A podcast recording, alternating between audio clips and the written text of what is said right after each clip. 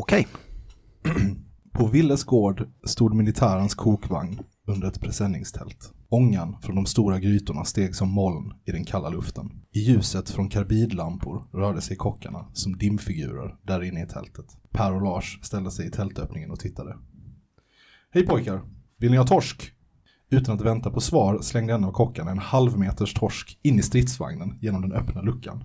Just då kom Ville gående med en sillhink i handen.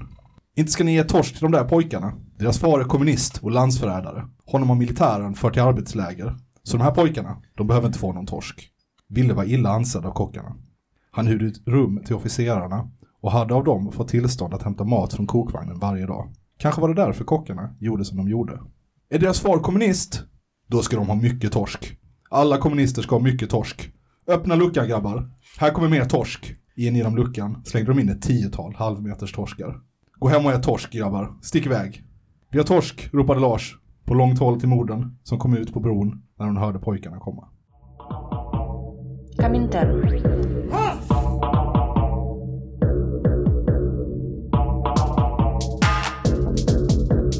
Berätta inte för mig om det svenska klassamhället.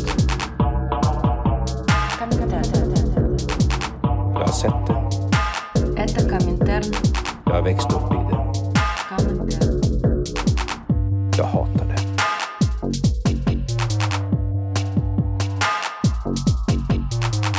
Это Коминтерн. Коминтерн.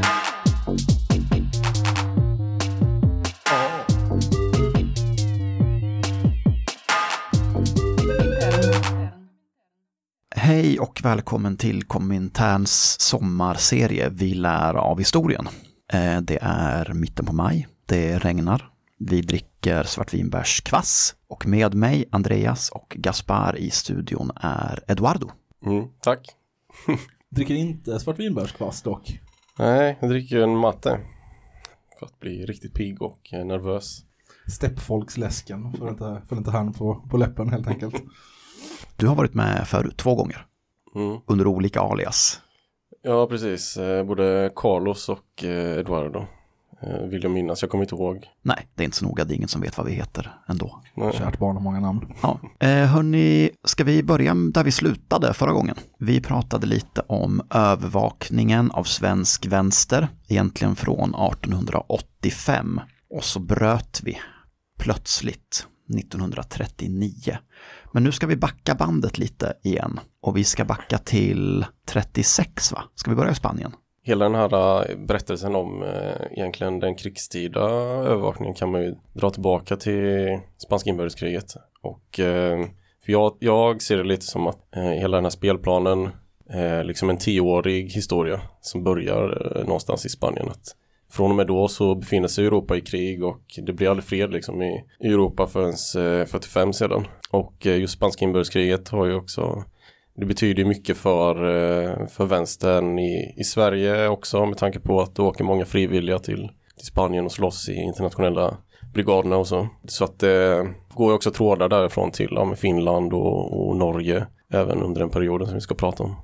Och hemvändande frivilliga dyker ju upp i diverse olika register och eh, läger och grejer. Jag tror vi nämnde det i förra avsnittet också att det är naturligtvis högintressanta personer för underrättelsetjänst att hålla koll på.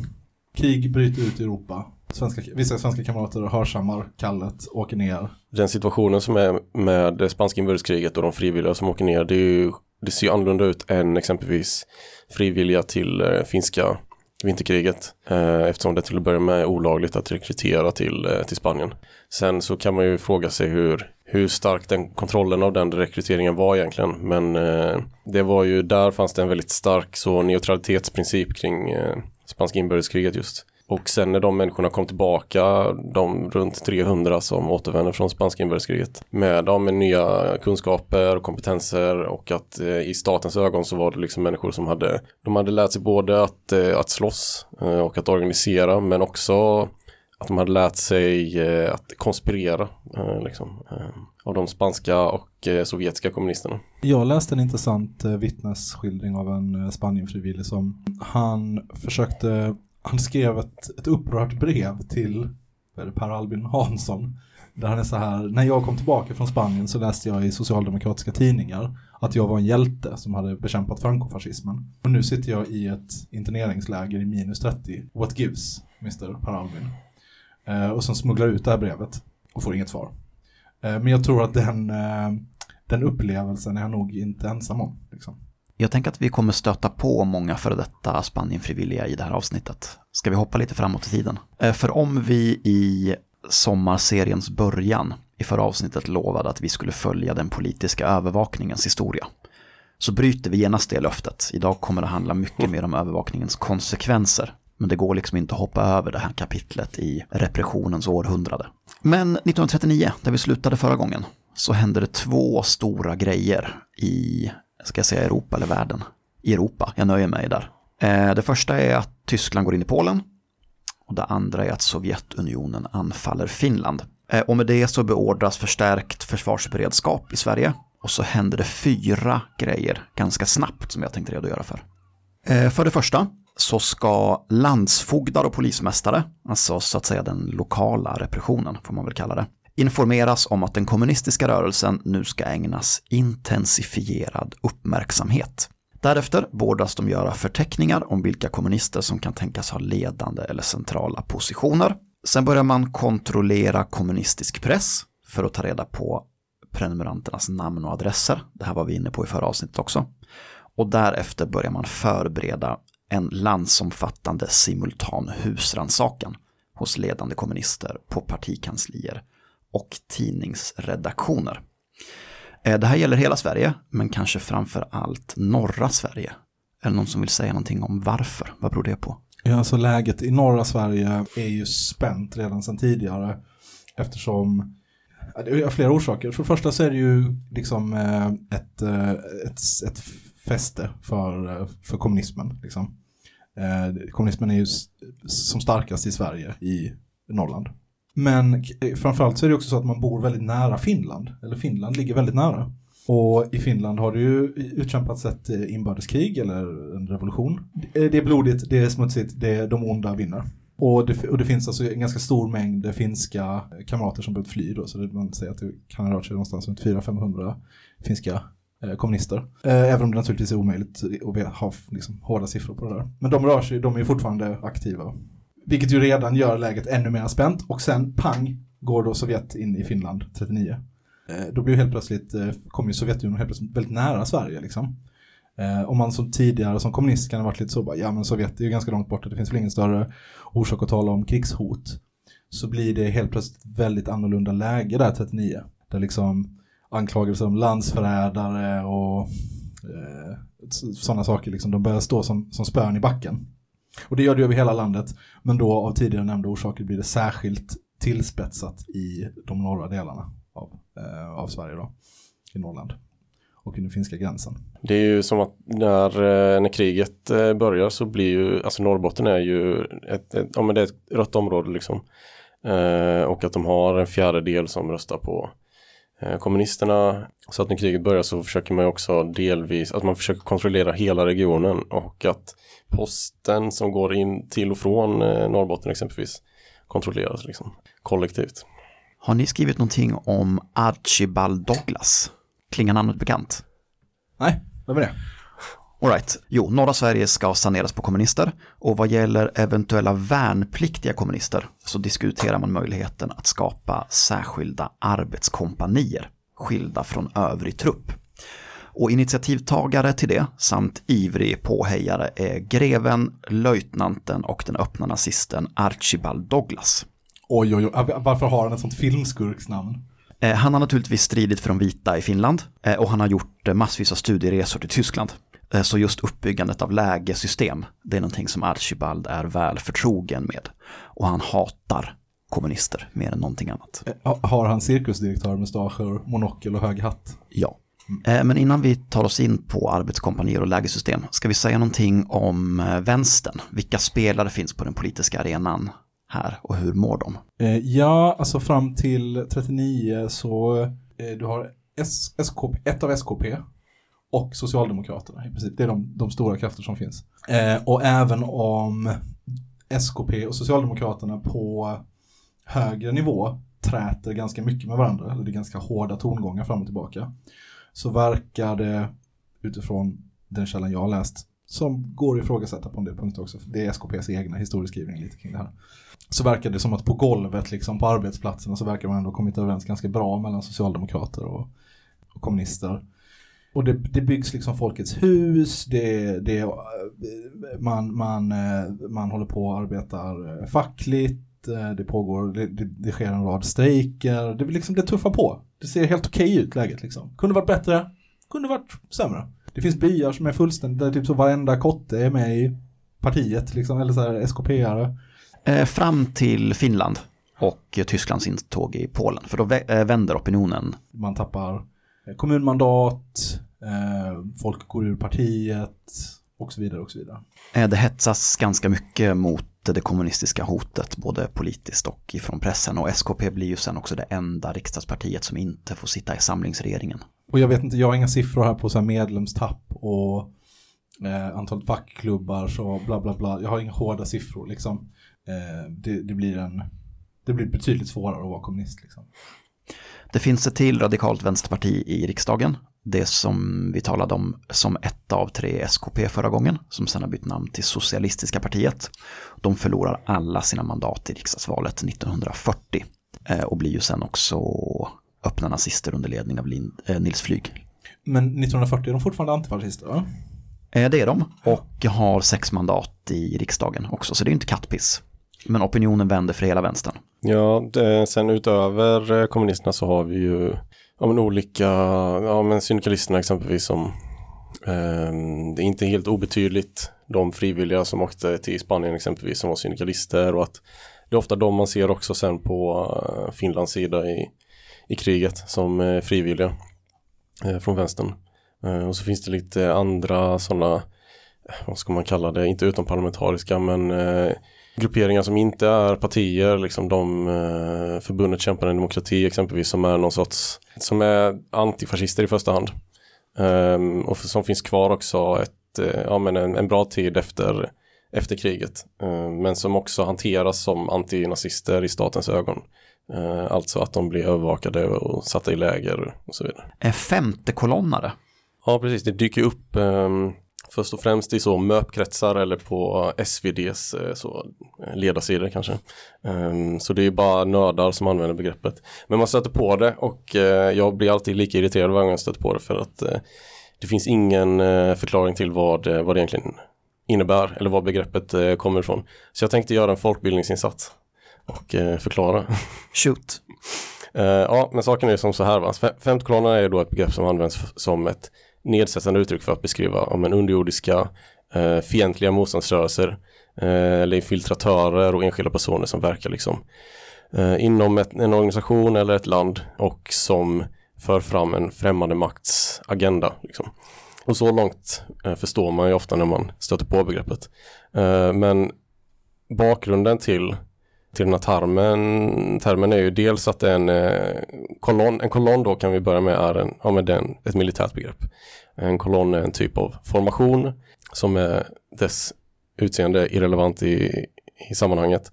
Eh, men begreppet femtekolonnare myntades faktiskt under spanska inbördeskriget av två eh, fascistiska generaler som använde det som en sorts retorisk bild inför ja, men invasionen då av Madrid. Att när man närmade sig Madrid med eh, falangistarmén eh, så hade man eh, fyra militära kolonner. Och då menar de här generalerna att inne i Madrid så skulle falangisterna i staden eh, utgöra en femte kolonn som skulle ansluta till striderna.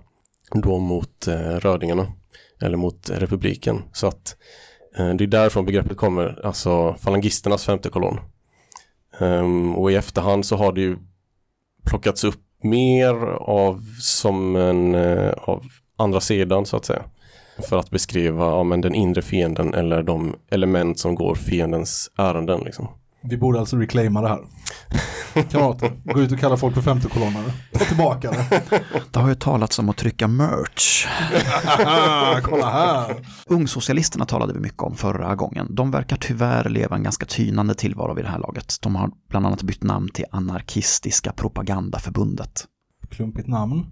Men du snokade upp en, eller stötte på en intressant liten, eh, inte, historisk kråkvinkel angående ungsocialisterna. En eh, eh, Sveriges enda tågrån. Vad var det? Ja, precis. Men det här var ju 1908. Ja, men jag tycker det är värt att backa bandet lite här på den här grejen. Kan du inte förklara vad som hände lite grann? Korta drag. Korta drag, Sveriges enda tågrån då, är ju att det var två härliga ungsocialister som eh, hoppade på tåg utanför Malmö och eh, snodde åt sig en massa pengar. Och eh, också på kuppen råkade skjuta en, eh, en post, eh, postanställd tre gånger i ansiktet. Eh, som överlevde.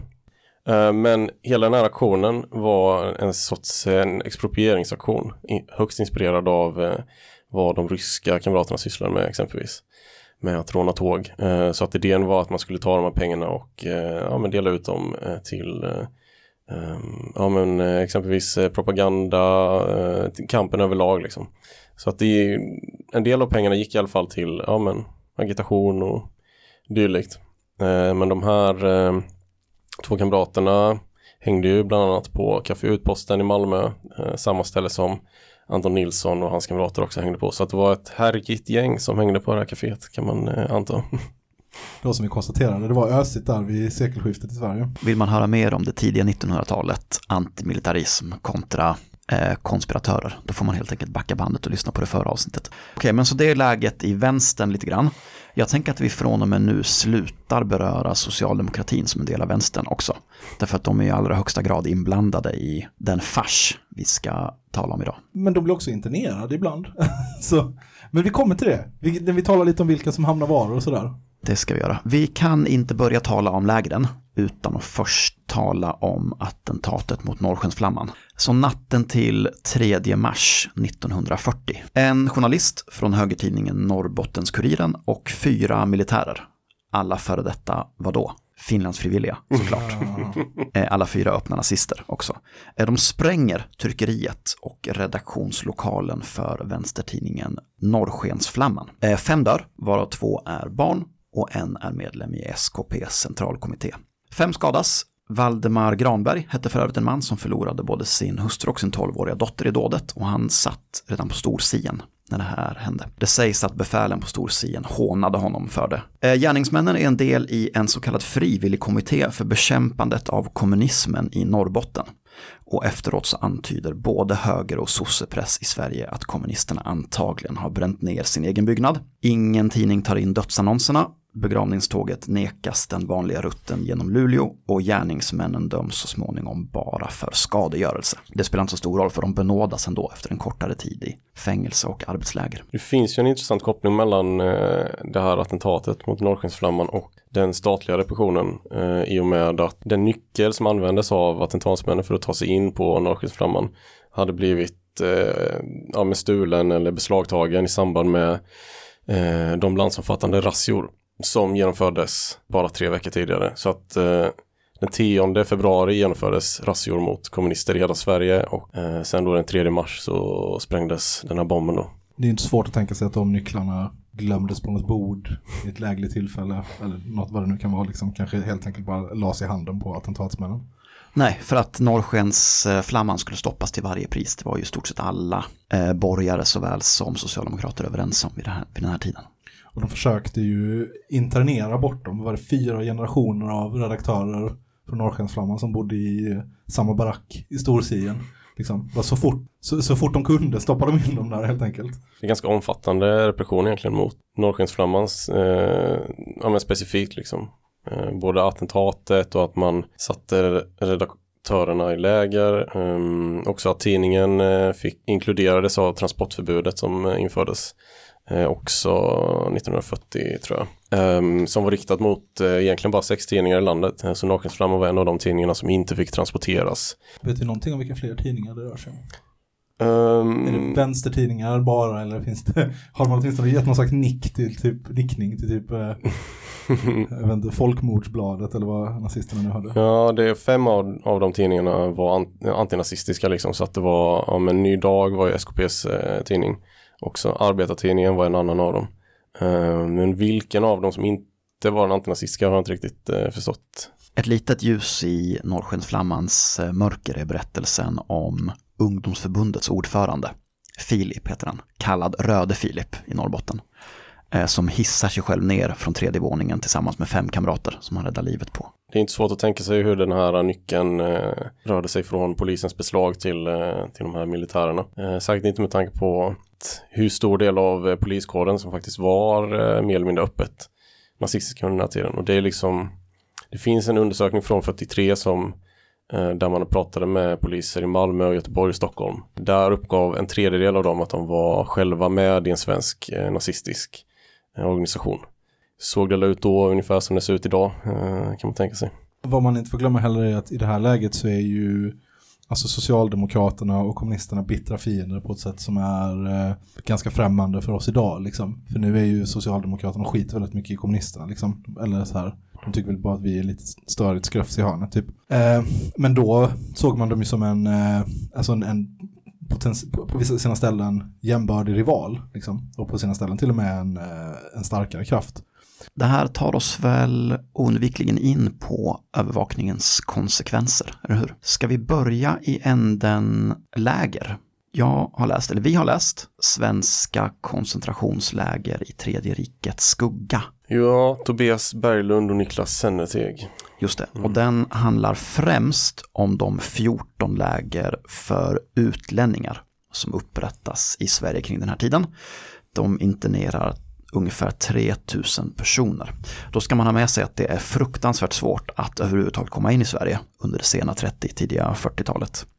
Vi släppte in försvinnande få flyktingar. Högern i Sveriges riksdag går så långt att den kräver rasbiologisk invandrarkontroll redan 1936. Eh, det är då när det börjar komma judar som flyr från Tyskland till Sverige. Eh, de anses inte ha politisk skyddsskäl. Och personer som flydde till Sverige och som hade fått hjälp genom Röda hjälpen, som var en kommunistisk hjälporganisation, de fick konsekvent avslag. Men en del personer tog sig ändå hit. Och vilka hamnade i de här 14 lägren då? Det fanns ju olika lägersystem i Sverige men de här, just de här utlänningslägren var det ju antinazister i första hand eh, som man spärrade in. Eh, och det fanns en, eh, en, en, ja, en, en krigstida logik i hur, hur det här fungerade. Ehm, men att det var, det kunde vara alla möjliga tysktalande eh, antinazister, kommunister, eh, polska, eh, norska motståndsmän internerades också. Alla som eh, på något sätt eh, var besvärliga för den svenska relationen till eh, Nazityskland kunde interneras. Även om man kan, eh, man kan liksom se lägren som en krigsåtgärd och dels som en, en politisk åtgärd också internt. Men eh, möta de eh, tyska förväntningarna är nog inte så himla liten liksom. För att det var ett, ett sätt att så minska risken för invasion och göra så förutsättningarna bättre för den svenska regeringen utifall att det skulle bli en invasion. Så man ville liksom visa ja, men hur, hur mycket man stöttade den tyska kampen mot kommunismen. Men det var liksom de första krigsåren från ja, men 1940 egentligen fram till 43 så var det främst kommunister, syndikalister och andra antinazister som eh, spärrades in. Och det kunde vara folk som kommit från Tyskland eh, och redan suttit några år i koncentrationsläger i Tyskland för att de var ja, kommunister eller socialdemokrater eller, eh, eller bara judar eh, som kommit till Sverige. Och eh, antingen att man eh, utmärkt sig på något sätt. Och det vände, hela den politiken vände egentligen först 43 när kriget vände. Att när tyskarna började få riktigt mycket stryk på östfronten av eh, Sovjetunionen så började man också i större grad att internera ja, men, eh, norska nazister exempelvis som flydde. Då var det lite mindre intressant att ha tungan långt, långt upp i Tysklands röv. Mm. Men eh, jag ty- tycker att den här boken börjar med ett exempel på en person som, som är så himla talande för tiden. Eh, och det är en 43-årig före detta tysk gruvarbetare och socialdemokrat ska sägas. Men han har varit aktiv antinazist i Tyskland, eh, blivit gripen och mycket svårt misshandlad. Han har flytt till Sverige, han har kommit till Helsingborg och här blir han först väldigt väl omhändertagen av Socialdemokraterna i- Helsingborg, Helsingborgs arbetarkommun. Han får ett jobb som korvgubbe och som korvgubbe gör han som korvgubbar gör mest. Han babblar, han snackar på ett torg, ibland om politik. Och det räcker. Utan att någonsin få veta vad han är anklagad för så interneras han på lägret Långmora i fyra år. Så nästan vem som helst som var antinazist eller uttryckte antinazistiska sympatier kunde slinka med. Jag vet inte. Alltså det, det som, jag, jag, jag misstänker att det alltid, kommer vara så här i, när man börjar bygga läger. Alltså att det finns ett, eh, ett sånt märklig, en sån märklig mängd, eller inte märklig, att det finns en, en viss mängd av godtycke och slumpmässighet och man kan, ha, man kan ha lite otur och hamna där och bla bla bla liksom. Det blir bara så tydligt när man tittar på det relativt eh, låga antalet människor som vi kollar på här i Sverige. Så står de människorna som bara verkligen bara, vet, råkat vara på fel plats i fel tillfälle. Det står ut så mycket tydligare liksom. Jag Jag läste om en, en person som var så här bara, ja, eh, nej han hade judiskt efternamn. Ehm, och sen så hade en framstående judisk släkt i Tyskland samma efternamn. Ehm, och sen så, ja, då hamnade han i läger. Liksom. Det, var, det var väl någon byråkrat någonstans som såg det där namnet som var nasse och tänkte, ah, det här kommer jag undan med. Bort med honom liksom. Alltså den här typen av lägersystem hänger ju ofta ihop på angiverisystem också. Och angivare är ju som alla vet ofta godtyckliga. Mm. Ja, det finns eh, någon berättelse i den här boken om en, en man som påstås ha åkt runt på en motorcykel eh, någonstans i Kristianstad-trakten och eh, eventuellt erbjudit sig att transportera två stycken tyska kommunistiska tidningar. Eh, men att den anklagelsen om eh, motorcykeln var skum för, enligt staten, för att var hade han fått pengar till den här motorcykeln. Och då var den här mannen också en tysk jude som ja, men bodde i Sverige vid tiden inför en flytt till Palestina då.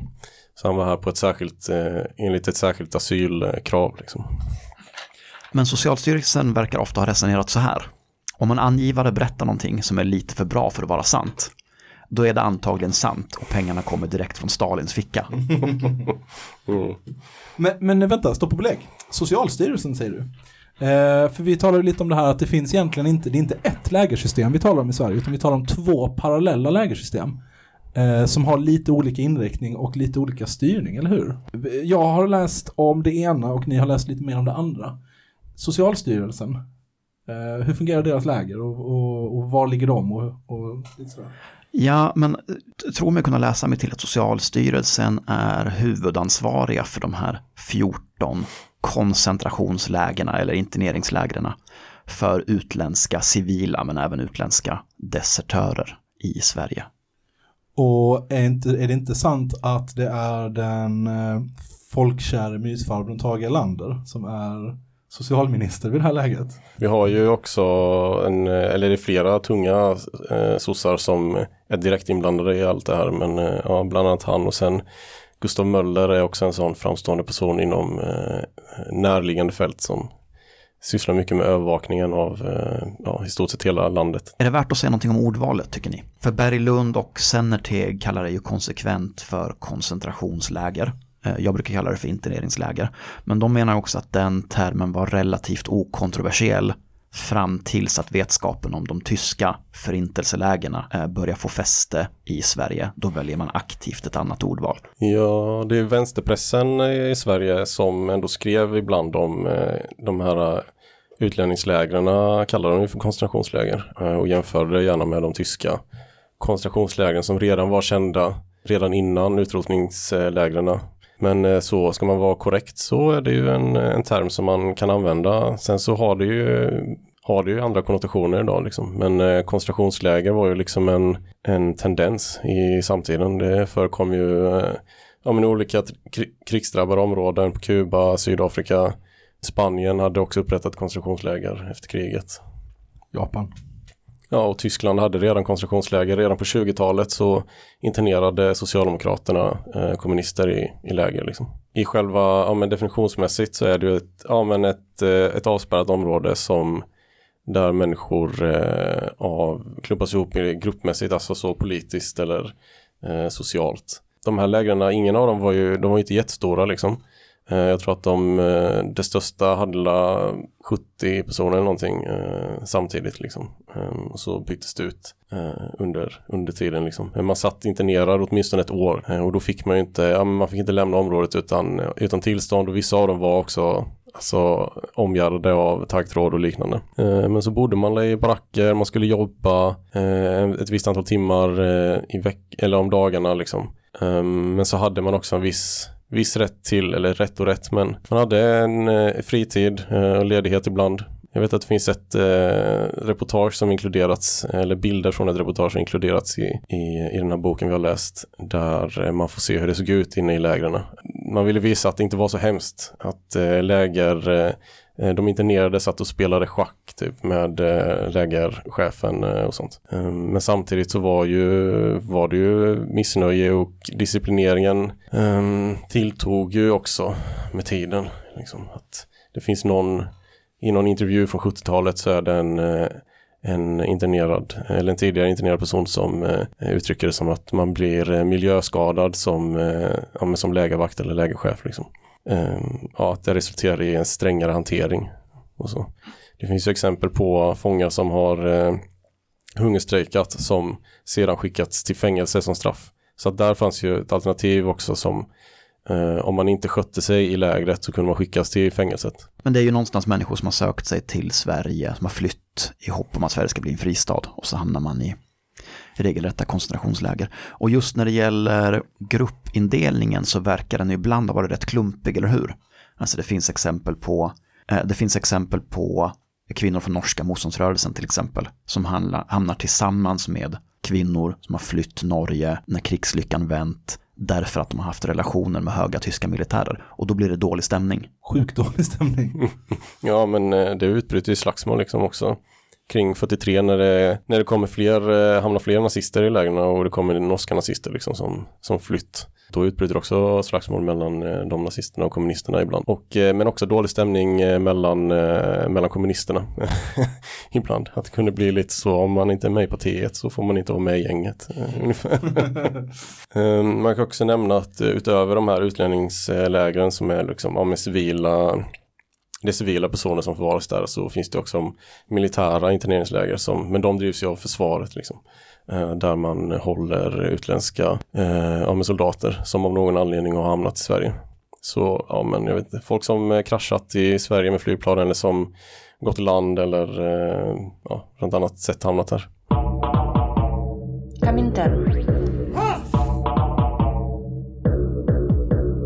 Ja, och då glider vi in på den andra formen av eh, eh, vad man nu vill kalla dem. Arbetskompanier va? Ja, ja. Alltså jag tror att de kallas lite ombytt, om, o- ombytbart. Eh, interneringsläger och eh, de kallas aldrig koncentrationsläger. Eh, men, men det handlar om att de kallas interneringsläger eller arbetskompanier som drivs i Sverige. Och det är då militärens eh, motsvarighet. Eh, och det, det kanske kändaste i Sverige är ett sådant, det är Storsien då.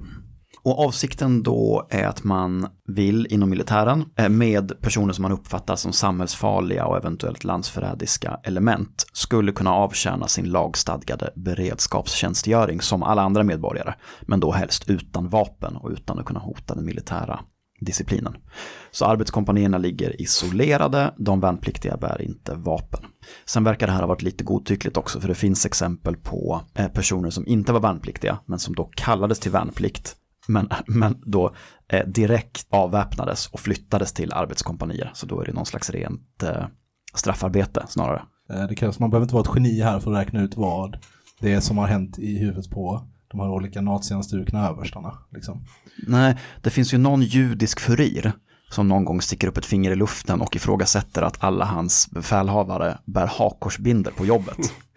Och det skulle han inte ha gjort, för då tar de geväret ifrån honom och så skickas han omedelbart till Storsien. Storsien är då, eh, eh, det är en samling, först är det bara eh, lite tält och några stugor. Med tiden så byggs det upp till, byggs det upp ett antal baracker.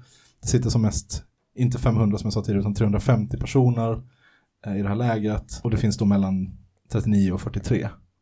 Och det är det största av sådana här arbetskompani Eh, interneringsläger. Den lilla anekdoten som ni hörde i början av avsnittet kommer från boken Arbetskompaniet Storsien, en bok om politisk internering 1939-1940. Skriven av Gunnar Kieri och Ivar Sundström. Eh, släppt på Arbetarkulturförlag 1972. Vad ska vi, vad, vad, hur börjar vi tampas med den här besten då? Det är det första av lägena som öppnar, va? Eller det första av arbetskompanierna. Ja, Det är också det största. de internerade själva uppskattar att det är 200 aktiva slash organiserade slash eh, medvetna inom citattecken eh, kommunister där. Och sen så runt 100 andra. Eh, diffus kategori av människor som har haft otur eller har eh, av någon orsak vredgat sin major eller någonting liksom och hamnat där. Mm. Antifascister, syndikalister, vänstersossar. Ja, inte nödvändigtvis för känslan av. Alltså de, de, alltså folk som ändå var aktiva antifascister, de går nog, hamnar nog i de här 200 kategorin. Det var nog liksom 100 pers som, ja vänstersossar kanske, eh, men sen så verkar det vara, du vet, det var någon som, någon som till exempel sa att de, de skulle få ut sin lön för månaden från, från militären. Och sen så, hade, så sa personen som delade ut lönen att ja, vi, har, vi har tagit 10% av din lön eh, i, eh, i skatt till, eh, till eh, Mannerheimlinjen, alltså det finska försvaret. Och då svarade han i helvete heller liksom. Jag behöver de där pengarna, de får, finnarna får betala Mannerheimlinjen själva. Eh, och då hade den här eh, officeren sagt, är du säker på att du vill ha de här 10 procenten? För i så fall kommer det komma med en konsekvens. Och då har han sagt, "Eh, ja, ge mig mina 10 procent. Och då sa han bara, okej. Och sen tjonk, stämplat, upp till stortjejen. Liksom. Så att det är hundra värnpliktiga som av militären är betraktade som för opolitliga för att ha i ordinarie förband. Precis, de, de kan antingen av, eh, antingen av parano paranoida skäl eller av möjligen korrekta skäl bedöms de som opolitliga i fall av sovjetisk invasion eller ifall Sverige ska gå in i kriget på Finlands sida. Alltså en, eh, ett, ett angreppskrig från Sveriges håll, alltså mot Sovjet. I de här lägren så är det då, ja, först får de då sova i tält och bordar bara, sen bygger de baracker. Eh, de får syssla med straffarbete av olika slag. Eh, de får gräva sin, typ, de gräver skyttevärn som har då exakt samma eh, mått och djup och sådär som gravar. Så de fyller igen och gräver och fyller igen och gräver. Eh, och det florerar ständigt rykten om att de ska skeppas över gränsen till Finland och lämnas över till Lappo-pojkarna som är den, eh, den finska fasciströrelsen. Och då är Lappo-rörelsens liksom patenterade sätt att döda folk är att slänga dem i en isvak eh, och sen så stå och vänta med en bajonett så att man fryser ihjäl eller blir ihjälhuggen. Det var så surret gick på luckan där i Storsien. En sak som, eh, som, som slår mig när man, som slår när man läser de här sakerna. För att den här, den här boken, den är, den är inte så himla, den är inte så faktaspäckad. Eh, utan det är mycket insamlandet av eh, folk som har varit internerades liksom små reflektioner eller deras minnen av olika händelser och sånt där. Så att, Boken handlar mycket mer om att måla upp en bild av eh, hur folk levde och vilka de var och hur livet såg ut i, vid den finska gränsen på 1900, 1939 till 1940. Liksom. Det är en ganska fascinerande bild liksom, därför att det är en väldigt, väldigt speciell tid på en väldigt, väldigt speciell plats eh, som känns väldigt, väldigt avlägset från, från mitt liv och de, liksom alla kamrater jag känner. Det är ett agrart samhälle, alltså folk lever som bönder eller i små samhällen. Det är ett eh, otroligt fattigt samhälle, alltså man äger inte mycket saker, man har, ingen, man har definitivt inte bil eller sådär. Det finns typ en radio i byn. Allting känns mycket mer som när jag tänker på typ svensk 1600-tal. Det är liksom den nivån. Det är små trästugor, det är ett kargt, hårt liv för karga, hårda människor. Vad fan var det skulle komma? Jo, eh, så att det, det här är ju liksom lite av en, eh, det är ju ganska så här tendensiös skrift, eller det är så här uppenbart att man vill göra hjältar av de här människorna. Och liksom lyfta fram deras eh, eh, lugn och mod i den här pressade situationen. Och man vill lyfta fram eh, eh, den norrländska arbetarklassens som eh, särart i form av eh, liksom hur, eh, hur stabila de är och hur, hur, sta, hur, liksom, hur stabilt de står när vinden blåser snålt och, liksom, och sådär. Eh, och det formar ju naturligtvis vilka, liksom vilka berättelser som får plats. Eh, därför att när man bara läser den här boken så får man ju, så det är dels den här känslan av att det är en så himla annorlunda värld. Verkligen i grunden annorlunda. Men det är också det är lite sådär eh, tonårsäventyrsberättelse över det hela liksom. Det är, det är liksom några morska kamrater som sitter i en lite knivig situation och sen så måste man liksom klura ut hur man ska komma därifrån och liksom sådär. Men det är väl någonstans standardverket va? Om man ska läsa om arbetskompanierna, tror jag. Och det måste ha varit revolutionerande på sin tid, för att det är ju fortfarande en underrapporterad del i svensk historia. Och det måste ju ha varit det i ännu högre utsträckning 72, innan de här upplevelserna samlades in och blev bok. Vi har försökt få tag i filmen Upprättelse också från 99-2000 men inte fått den i tid för att använda den som research till avsnittet. Men annars är det klurigt.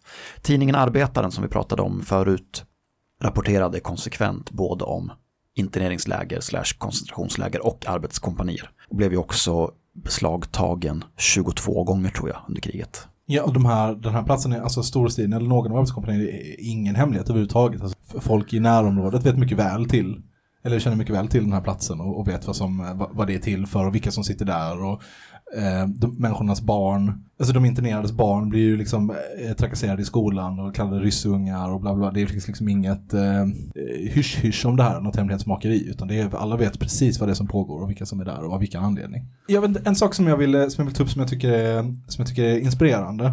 Eller för, för det första vill jag skicka en pik angående det här med att det hela saken får någon slags eh, tonårsäventyrsromanskänsla liksom. Därför att alltså, det är ju det är ganska hemska saker som, som de här människorna eller det är en ganska hemsk sak de här människorna råkar ut för. Liksom.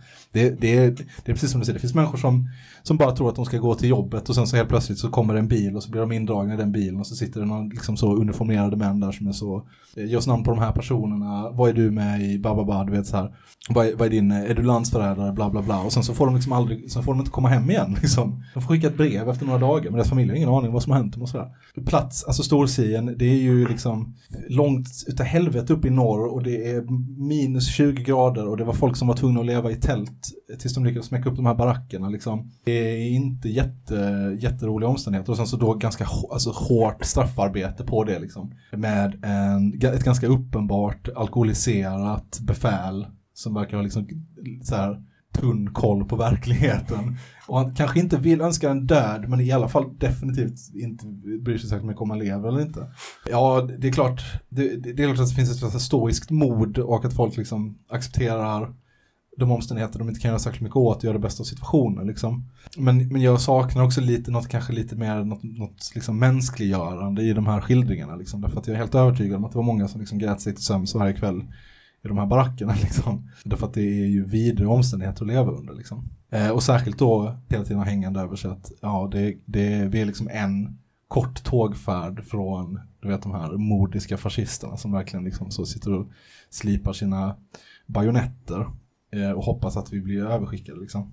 Eh, men det är också, det, finns också en, eh, en sektion i den här boken så liksom tycker jag ändå att man får lite mer känsla för människorna bakom. För att helt och hållet så är det, man är ju inte bara helt så stoiskt eh, norrländsk och bara och du vet, acceptera det här utan de har ju naturligtvis om man samlar 200 kommunister och kanske de 200 mest drivande kommunisterna i Norrland på en och samma plats då kommer det ju börja konspireras naturligtvis.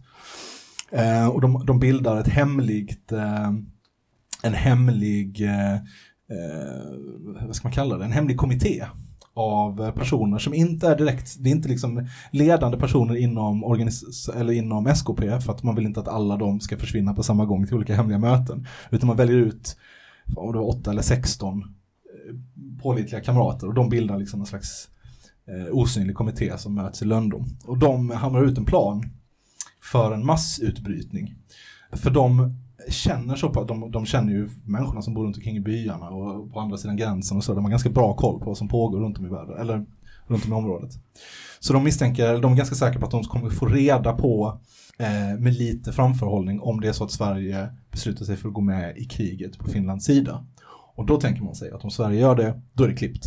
Då, då skjuter de oss liksom. Då finns, det ingen, då finns det ingen chans. Så i händelse av att man får reda på att det här händer så snokar man reda på ett Eh, platsen där det förvaras en viss mängd vapen och framförallt en större mängd skidor som militären undanstoppade.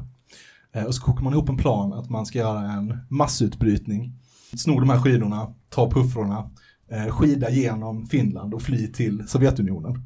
Och jag är naturligtvis väldigt, väldigt glad för de här människorna att de inte behövde göra det och att Sverige inte gick med i kriget på Finlands sida. Men fan vilken bra actionrulle det hade blivit. De, du vet, de stressiga nätterna, du vet, åka skidor på natten och skjuta sig igenom först svenska armén och sen finska armén och sen så över till Sovjet och bli satt i läge där antagligen också.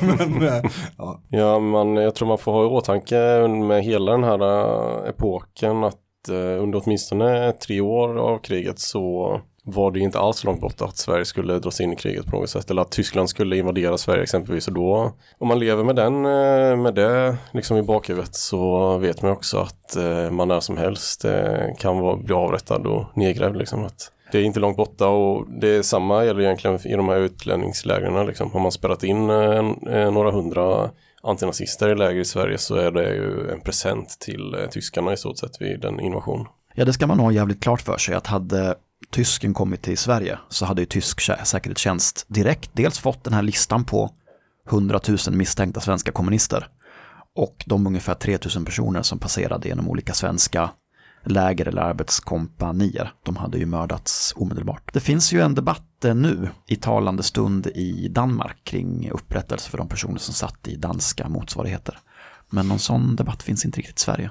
Alltså om man ska dra några slutsatser eller lära sig någonting av den här. Så historiskt av den här erfarenheten så är det ju lite så det är det ju Danmark och Norge man får titta på och hur det utvecklades där liksom. Och att i Norge så internerades ju landets stora delar av, eh, den judiska befolkningen eh, som inte var en säkert stor del av befolkningen men att många av dem också deporterades senare till Tyskland och blev dödade där och av tyskarna. Så att den, alltså de här lägersystemen i Sverige kan ju på ett sätt ses som en förberedelse eller rent organisatoriskt så är det en förberedelse för en, så, en sådan utveckling. Det är i vart fall organiserat av människor som gärna skulle se det. Det kan man inte sticka under stol med. Nej, precis. Så Det, det, det tror jag nog att även om det inte var någon som var en uttalad plan så tror jag väl man kan kallt förutsätta att många av dem som satt högre upp och organiserade det här såg det på precis det sättet. Liksom. Den socialdemokrat eller samlingsregeringens socialstyrelse kanske inte hade röstat enhälligt för att ta ihjäl de här 3000 personerna så hade ju definitivt de höga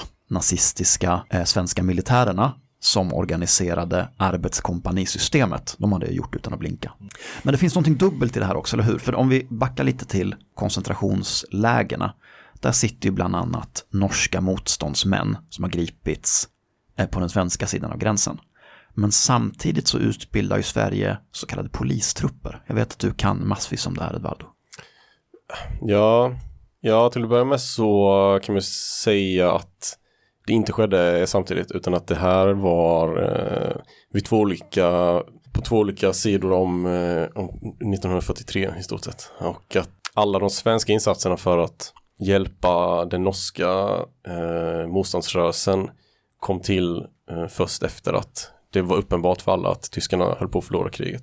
Det är ju lite, det är ju, dels så satte man ju norska motståndsmän i, i läger Eh, men det finns ju också siffror som säger att ja, men ungefär 70% av de asylsökande eller så flyktingarna från Norge fick komma in i Sverige liksom. Men eh, det var ju som sagt inte förrän eh, på slutet av kriget som man faktiskt började utbilda de här polistrupperna som har ändå fått ganska mycket uppmärksamhet eh, antagligen lite för att det är Sveriges tydligaste insats mot eh, nazisterna. Där eh, syftet med de trupperna var att utbilda norska motståndsmän inför återtagandet av eh, Norge. Eh, men det här skedde ju liksom i ja, de sista åren precis eh, av kriget. Kappvänderiets ädla konst va? Mm. Men är man som jag intresserad av att roadtrippa i svenska historiska spår så finns det på många ställen om man tar reda på var de här hemliga utbildningslägren för norska polistrupper låg så finns det på många sådana platser någonting som kallas för Norgesten eller Norges tack. Den norska staten har rest eh, stenar som tackar för Sveriges stöd under utbildningen av polistrupperna. Det är rätt fint. Eh, Ska vi lämna Storsien och vandra oss igenom resten av arbetskompanierna? Eller vad tycker ni? Shoot. Eh, Det finns ett till i Storsiens närhet utanför Luleå som heter Narichervi. Eh, Det är aktivt ungefär tre månader, 1941. Sen så finns det ett som heter Lövnäsvallen. Det är ett, ett arbetskompani som är aktivt mellan 1940 och 1942. Dit kallades ungefär 60 eh, värnpliktiga.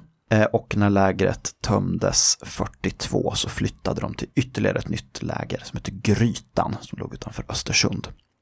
Men sen kommer vi till det som ligger närmast oss, Öxnered i Vänersborgstrakten som var ett aktivt arbetskompani mellan 1941 och 1942.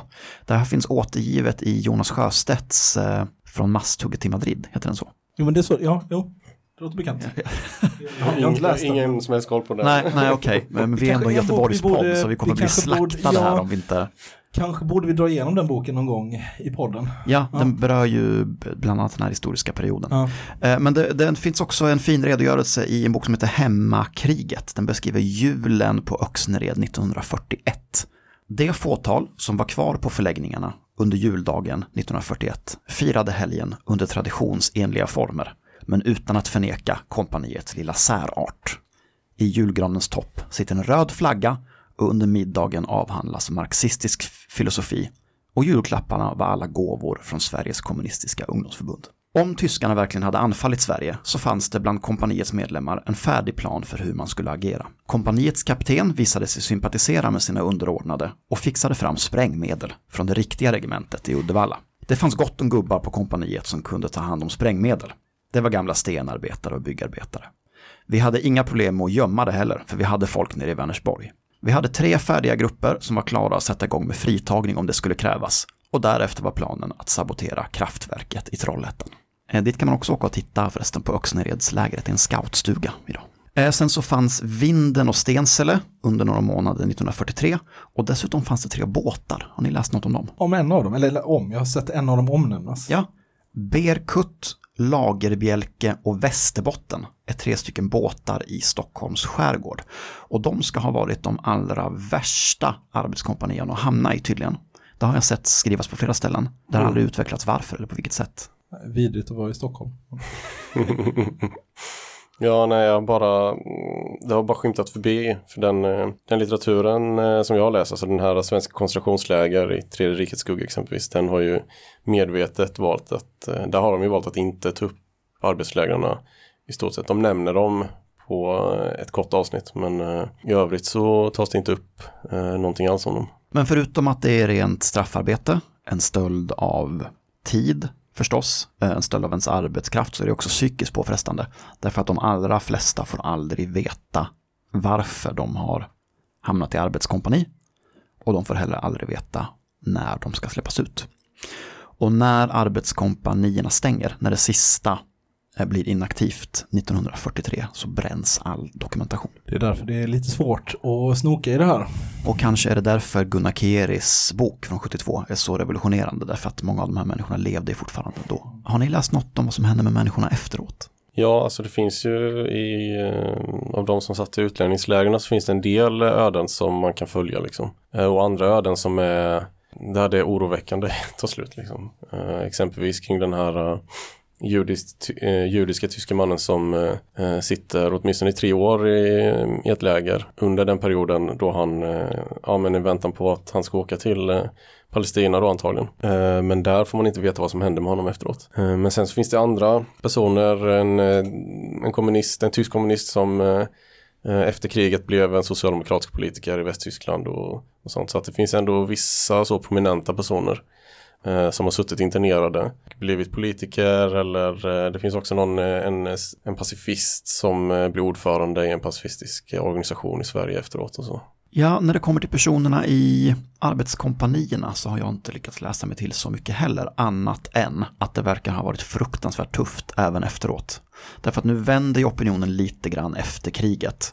Men de personer som har suttit i arbetsläger eller varit i arbetskompanier verkar bli för resten av sina liv stämplade som nationens fiender. För det finns ju inte riktigt någon dokumentation som styrker varför de inte har ansetts pålitliga nog att få vara kvar i det militära på vanligt sätt. Och det, var nog, det är nog ett rätt tufft liv att vara kroppsarbetare eller bonddräng eh, i Norrland på eh, 30-40-talet ändå. Eh, och sen så lägg ovanpå det det här liksom sociala stigmat. Par, vad som kan vara ett par år av hårt fysiskt arbete i, under tuffa förhållanden. Vad det gör med kroppen liksom. Och det är väl också så en evig sanning genom historien att eh, vanliga arbetande människors liv Eh, Det är liksom, eh, det försvinner bort. Det är skrivet, skrivet i sand. Liksom. Ja, men många av de här personerna är ju är bara inskrivna i historien för att de har blivit eh, internerade eh, och omhändertagna och den informationen som finns är ju utredningarna från säkerhetstjänsten eller, eh, eller dylikt. Hur har vi det med motstånd på lägren, eh, oavsett om det var arbetskompanier eller koncentrationsläger? Och hur såg det ut utanför? Har ni hittat några spännande exempel? Det, alltså det tråkiga svaret skulle vara att det inte fanns ett jättemassivt motstånd mot eh, interneringslägren eh, exempelvis. Alltså att det fanns viss kunskap om det och eh, delar av vänsterpressen liksom skrev om det men eh, det var heller inte tillåtet att skriva vad som helst. Eh, det fanns en omfattande censur i press, inom eh, tidningsväsen. Men också en, en apparat där pressen själv censurerade sig. Att man överlät liksom en del av presscensuren till Eh, en så kallad pressnämnd. Eh, så att det var mycket som inte kom ut helt enkelt för att eh, det redigerades bort från början. Och eh, det var, eftersom det bara var vänsterpressen som skrev om det och att många av de tidningarna hade transportförbud så var det svårt att få ut eh, den informationen ändå. Liksom. Det finns en kärnfull formulering i ett av de nummer av tidningen Arbetaren som beslagtogs. Läser det här. Den svenska staten använder sig av brutala tvångs och våldsmetoder för att eftertryckligt trampa ner den utländska antifascist som likt en vrakspillra av den tyska demokratin har sköljts upp på svenska stränder. Koncentrationsläger. Smaka på det ordet.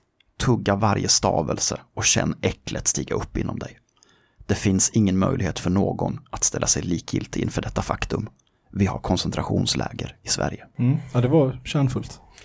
Jag tycker att det nämns i förbifarten några gånger i den läsning jag har gjort också, att det ska ha skett upplopp eller i alla fall upploppsförsök på de olika typerna av lägren. Men jag hittar inga konkreta exempel. Men det verkar ju som att de då åtminstone på ett par ställen har, haft, har varit redo att köra ifall det krävdes.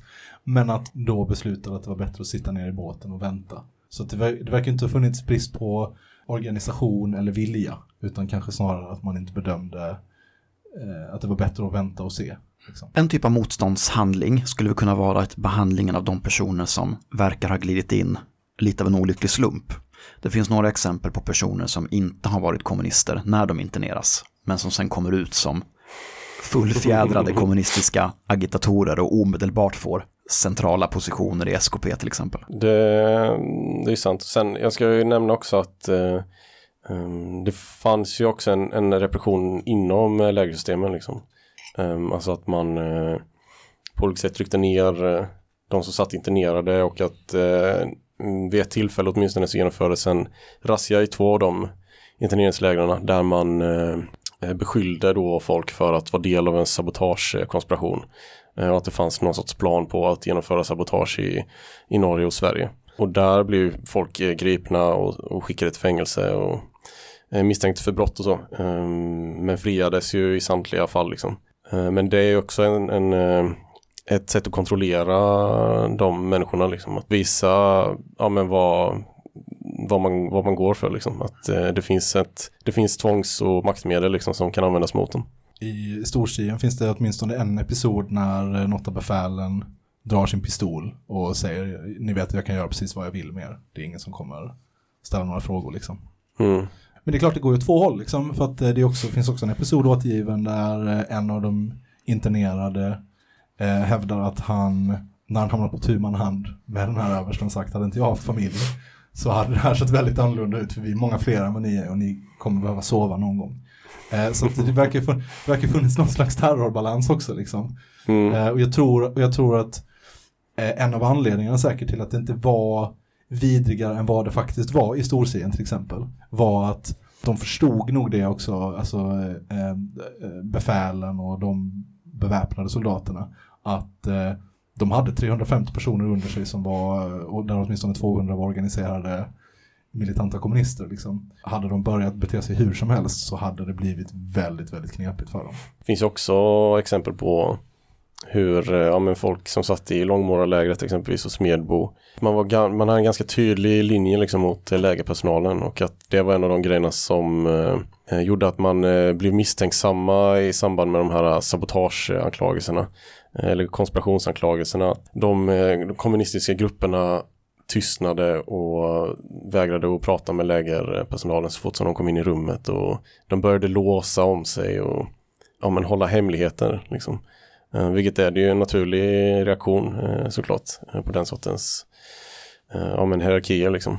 Men det finns ju också, eh, ska sägas kanske att det är som att i, in, de internerade fångarna kanske var mer inställda på att ta upp kampen senare eller så. Att man väntade fortfarande på att någonting skulle hända, att det skulle bli krig i Sverige eller, eller dylikt. Att man förberedde sig på, på en sån utveckling. Och i ett av lägren så hade man eh, fått tillstånd att skaffa luftgevär som eh, interna fick skjuta med och hade prickskyttetävlingar och sånt. Men eh, de eh, tävlingarna var också väldigt tydligt att man förväntades som kommunist att delta i prickskyttetävlingarna och eh, om man inte gjorde det så fick man minsann veta att eh, kommer, eh, det kommer komma en tid då vi kommer behöva ta till vapen liksom, eh, eller föra en anti, antifascistisk kamp.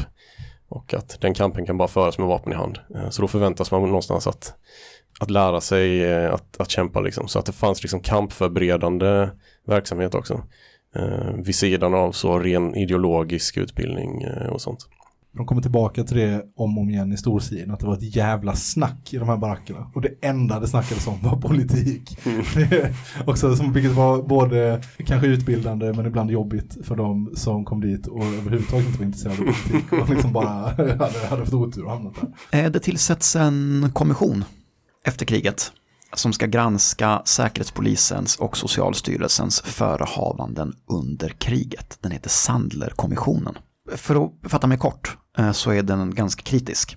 Eh, bland annat eh, på grund av att man har lutat sig så blint på angiverisystemet att man har spelat upp hotet från kommunister i Sverige och aktivt spelat ner hotet ifrån organiserade nazister. Men den främsta kritiken verkar beröra interneringslägren för utländska medborgare, bland annat då hur man har blandat grupper och på vilka grunder och att eh, de eh, in, eh, internerade inte har tillåtits ha kontakt med omvärlden i den utsträckning som de borde få. De har, borde trots allt ha haft flyktingstatus. Nej, det är väl rimliga kritiker antar jag, även om de inte är så långtgående eller så djupa som man hade kunnat hoppas på. Men, eh, Eh, åt vilket håll var det man riktade den här kritiken? Var det liksom eh, berörda ministrar eller?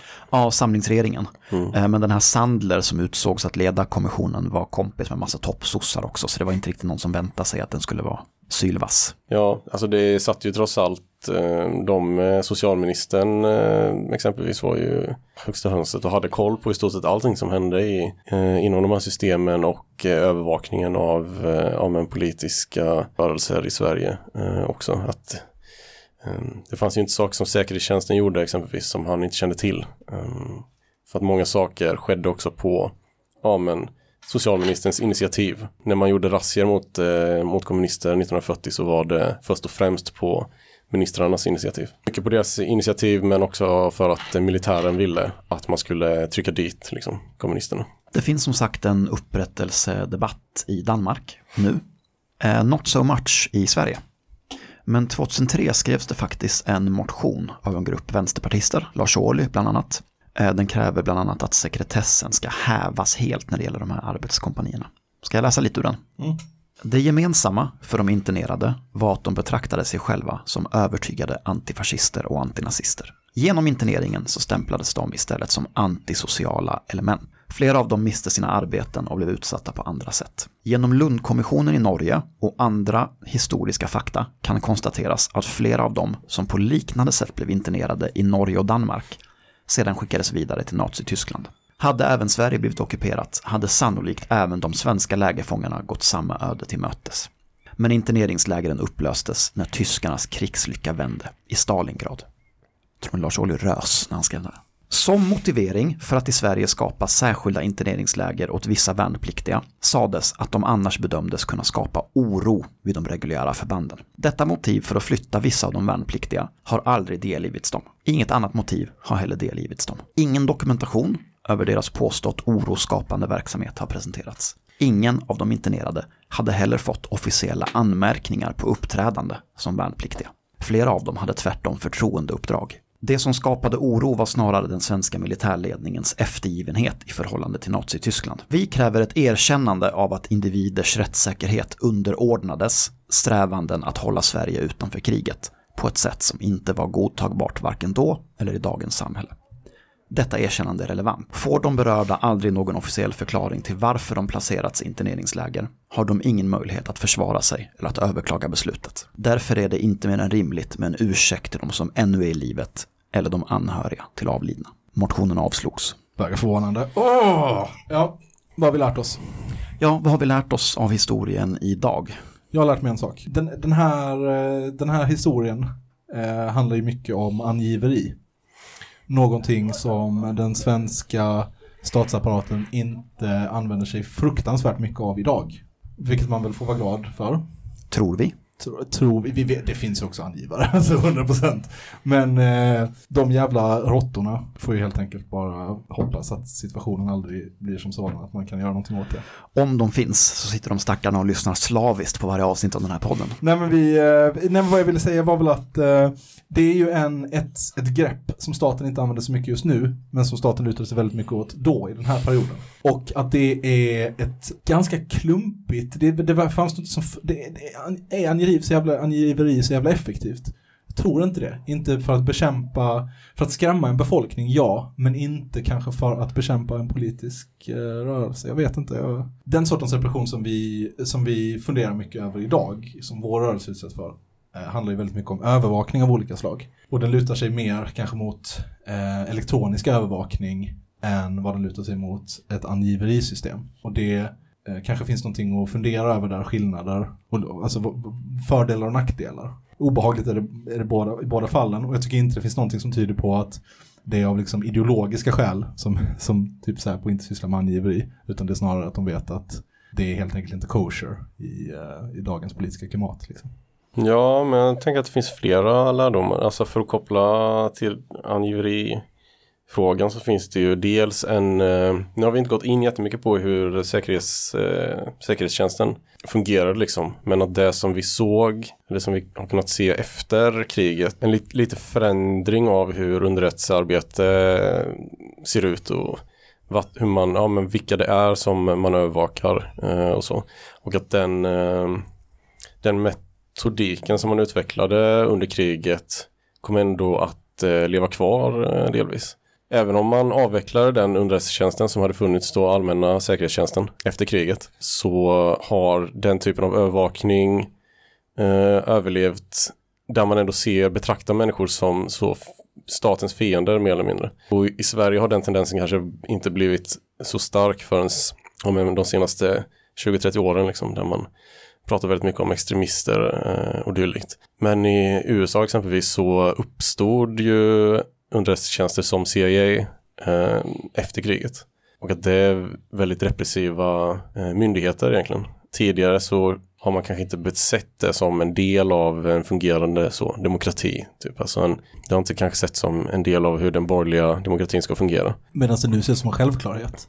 Alltså Ja. det går inte, det, är ju, det finns väl inget land nu som inte håller sig med eh, ett stall med agenter som, som betraktar en, en, en, större eller mindre del av sin befolkning som, som direkta fiender till, till eh, nationen eller till landet. Men, men Mm. det är intressant, det slog mig inte att eh, det är nog helt sant att det är nog en att, att börja kategorisera en stor del av den egna befolkningen som, eller inte en stor del, men en del av den egna befolkningen som, som direkta fiender, det, det är nog inte en transhistorisk sanning liksom sådär, utan det, det är nog någonting som dyker upp här liksom. Och att de behöver bekämpas genom en speciell eh, statlig myndighet liksom.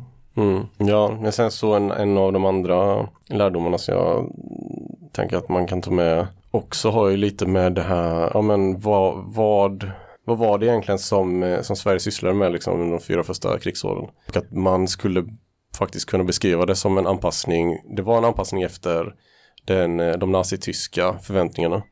Men att det också var en förberedelse för att Sverige skulle ingå eller skulle kunna komma och ingå i en fascistisk intressesfär liksom. Ehm, även om inte staten i sig blev fascistisk i Sverige så anpassade man sig efter den, eh, den sfärens intressen. Och att det ändrades ju inte förrän eh, 43. Liksom. Och det skulle den svenska högern göra idag också. Ehm, jag tar med mig, jag låter mig inspireras av de människorna som trots den vansinnigt hårda repression som rådde i Sverige i allmänhet och i norra Sverige i synnerhet under den här tiden, stod fast vid sina ideal, oavsett om de klarade sig undan interneringsläger eller arbetskompanier, eller om de internerades, och tog dem med sig ut igen sen efteråt.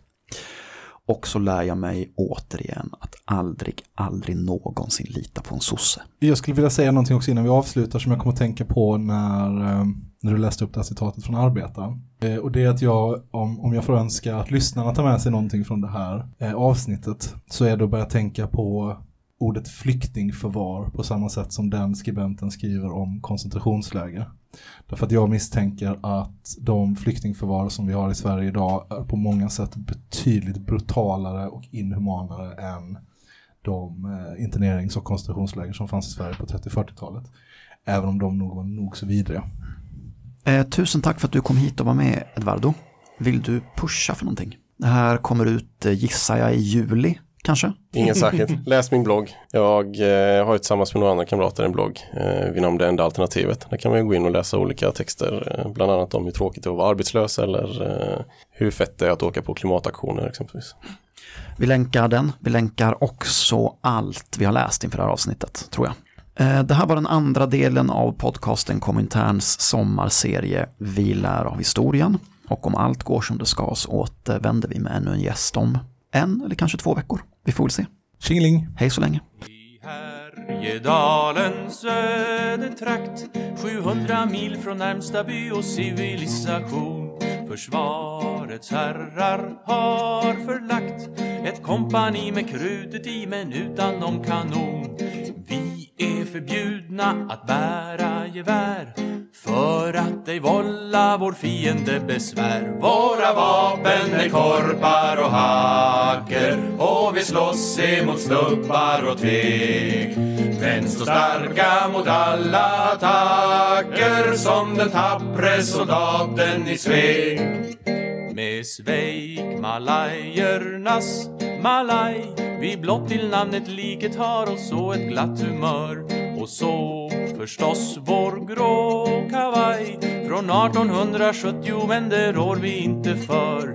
Medan lanken regerar armén Får radikala soldater knacka sten. Våra vapen är korpar och hacker Och vi slåss emot snubbar och teg men stå starka mot alla attacker Som den tappre soldaten i Sveg om Quisling som kavat och morskt tar ton och ställer krav som nordisk fyrer och strateg. Att Härjedalen ska bli norskt så svarar vi så att det hörs. Välkommen hit till Sveg. Frihetens värn är för oss nummer ett. Slåss kan man också med spadar och med spett Våra vapen är korpar och hacker och vi slåss emot snubbar och te. men står starka mot alla attacker som den tappre soldaten i svek Det handlade om en åsiktsförföljelse riktade oss, mot oss i vår egenskap av socialister och kommunister. Eh, ett erkännande av detta faktum, ett officiellt erkännande av detta faktum, det skulle för mig vara en alldeles tillräcklig upprättelse. Därför att så länge detta inte är gjort så, så är det ett slags stämpel på oss att vi var, eh, Sköld han kallade oss o, eh, villkorliga soldater vid ett tillfälle. Medan han sa att nazisterna, ja de är både lydiga och kvicka, sa han om de nazistiska officerarna. Eh, Och eh, i den mån tidningar skrev om oss så skrev de ibland att det var asociala element som hade isolerats. Och det finns en stämpel, det finns folk som går omkring i landet, jag känner sådana, som efter 40 år vägrar att tala med den tidning som betecknade honom, jag tänker på ett fall, som ett asocialt element förrän de har dementerat detta. Denna stämpeln finns på oss och eh, man möter det också ut att ja, det var nog ändå någonting. Var ni internerade så hade vi gjort någonting. Men vi hade inte gjort någonting annat än att vi hade en viss politisk åsikt. Och den stämpeln skulle kunna tas ifrån oss om man eh, gav oss så att säga, den upprättelse som består i ett erkännande av att det var en rent politiskt betingad internering och ingenting annat. Det kommer vi kräva.